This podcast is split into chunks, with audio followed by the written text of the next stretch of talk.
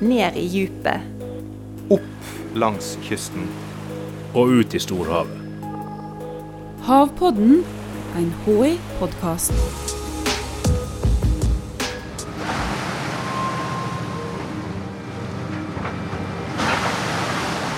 En liten sjark trosser vinden og tøffer utover på fjorden. Det er april, men i Finnmark har ikke våren slått gjennom helt ennå. Bakkene er kledd i snø på begge sider av Repparfjorden. Havforsker Terje van der Meren er på feltarbeid, sånn han er hver eneste år, for å undersøke fiskeegg. Repparfjorden er jo en fjord som er utpekt til å være deponi for avfallsmasser fra en gruve. Og eh, det viser seg at det er svært liten kunnskap om hvordan eh, sånt undersjøisk deponi vil kunne påvirke fisk og, som er i fjorden. Det fins nesten ikke noen publiserte studier på dette worldwide, for å si det sånn. Og det er derfor Terje undersøker egg i Repparfjorden hvert eneste år, for å vite hvordan gytinga er i dag, slik at han kan se om den blir påvirka etter at deponiet kommer.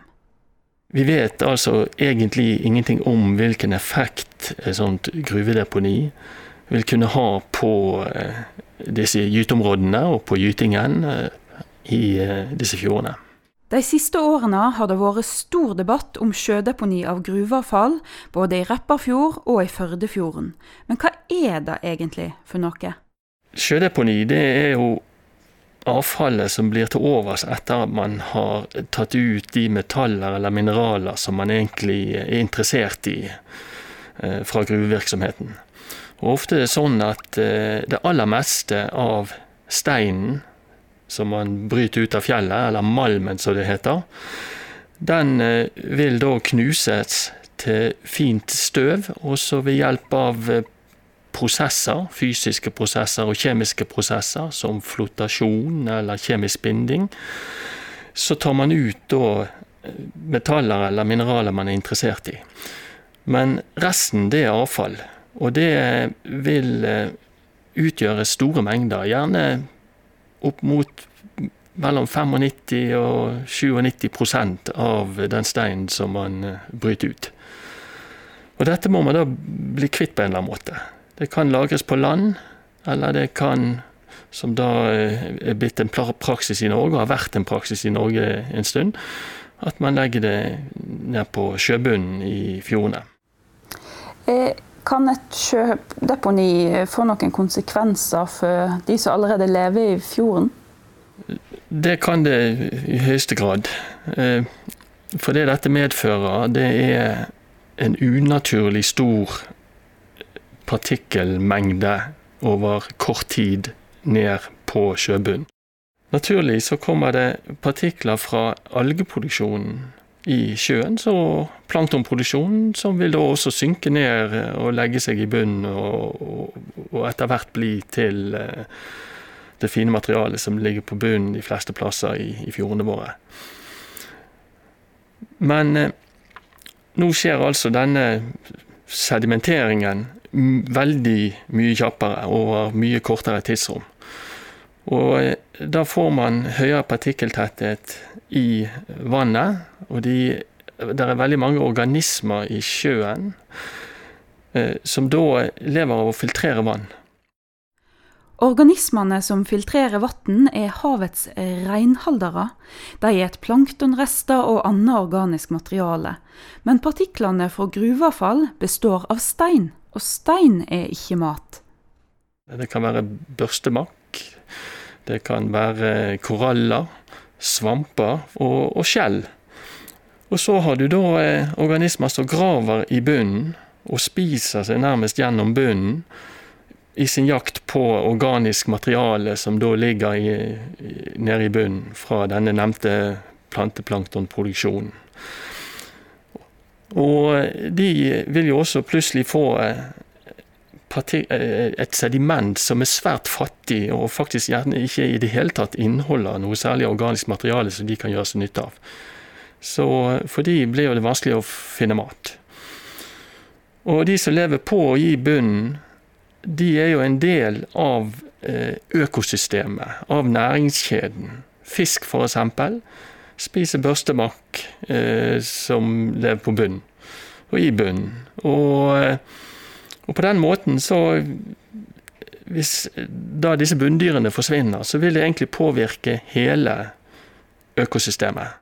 Når forskerne skal gi råd om et mulig sjødeponi, er strøm et viktig stikkord. Strømmen er jo da vannmasser som flytter seg, og alt da som befinner seg i vannmassene, masse, masse levende liv og, sånn, men også små gruvepartikler, eller avfall fra gruvene, det, noen er så små at de flyter lenge i vannet, og derfor driver de av gårde med strømmene.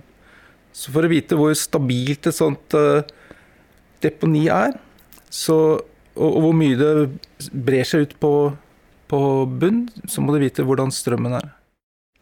Jeg heter Lars Asplin. Jeg jobber som eh, havforsker og er utdannet fysisk osanograf, dvs. Si en slags uh, meteorolog under vann. Strømforhold er avgjørende for hvor vidt og langt gruveavfall blir spredt ut fra sjødeponiet. Strømmene i fjordene de varierer uh, veldig mye. Og det som er viktig for uh, et sjødeponi, er at strømmen er svak.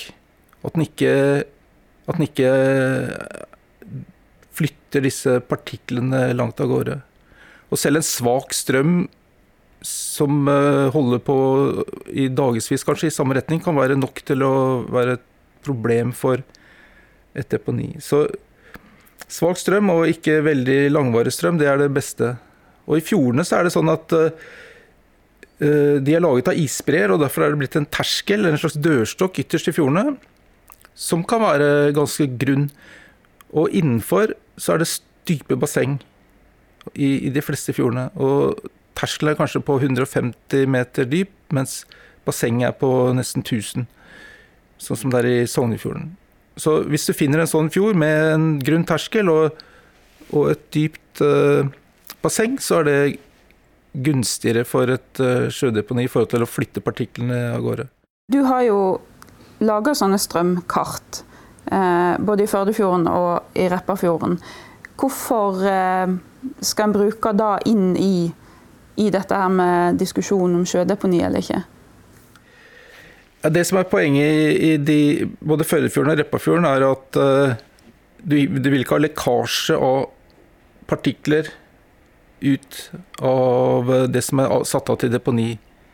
Deponiet, eller stedet de skal plassere avfallet, det er egentlig ganske lite, men de skal, de skal slippe det ut da, på overflaten, stort sett, i et rør, og så skal det synke ned og så havne på bunn. Og Det er bare de største gruvepartiklene som, uh, som går da, faller rett ned, mens mindre gruvepartikler de vil da kunne holde seg i vannmasse lenge, og, og, i verste fall transporteres langt av gårde. Og så er det også sånn at det som ligger på bunnen, hvis det er litt sterk strøm, så kan det virvles opp igjen og så føres av gårde.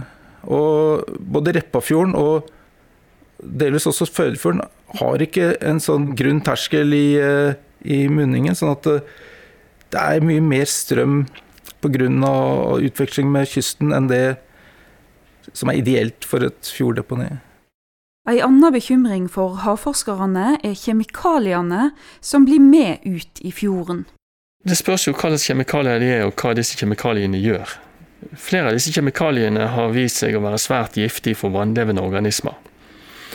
Og faktum er at eh, man vet egentlig litt lite om hvilke virkninger disse kjemikaliene har. Havforskningsinstituttet har i flere saker om sjødeponi anbefalt myndighetene å si nei. Det går en del på dette med kunnskapsgrunnlaget, og det går på dette med at disse fjordene ofte er gyteområder. Altså de produktive områder for det vi skal høste av havet, nemlig fisk bl.a.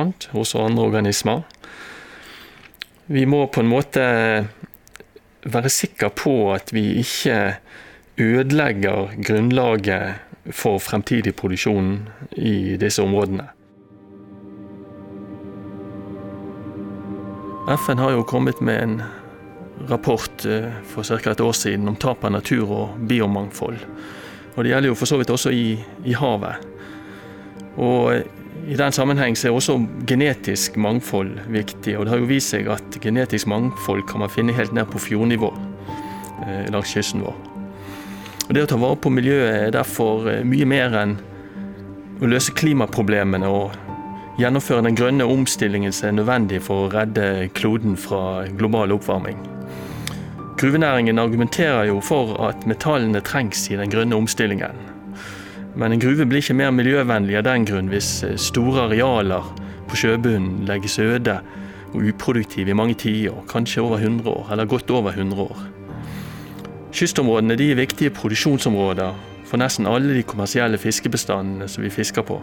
Og vi må sikre at fremtidige generasjoner også kan høste fra kysten og fjordene. Og Det er dette som da er grunnlaget for bosettingen ute i distriktene. Havpodden er en podkast fra Havforskningsinstituttet. Jeg heter Stine Hommedal og er rådgiver her. Teknisk produksjon og lyddesign var det Febril Film som sto for. Og du, du hører snart igjen.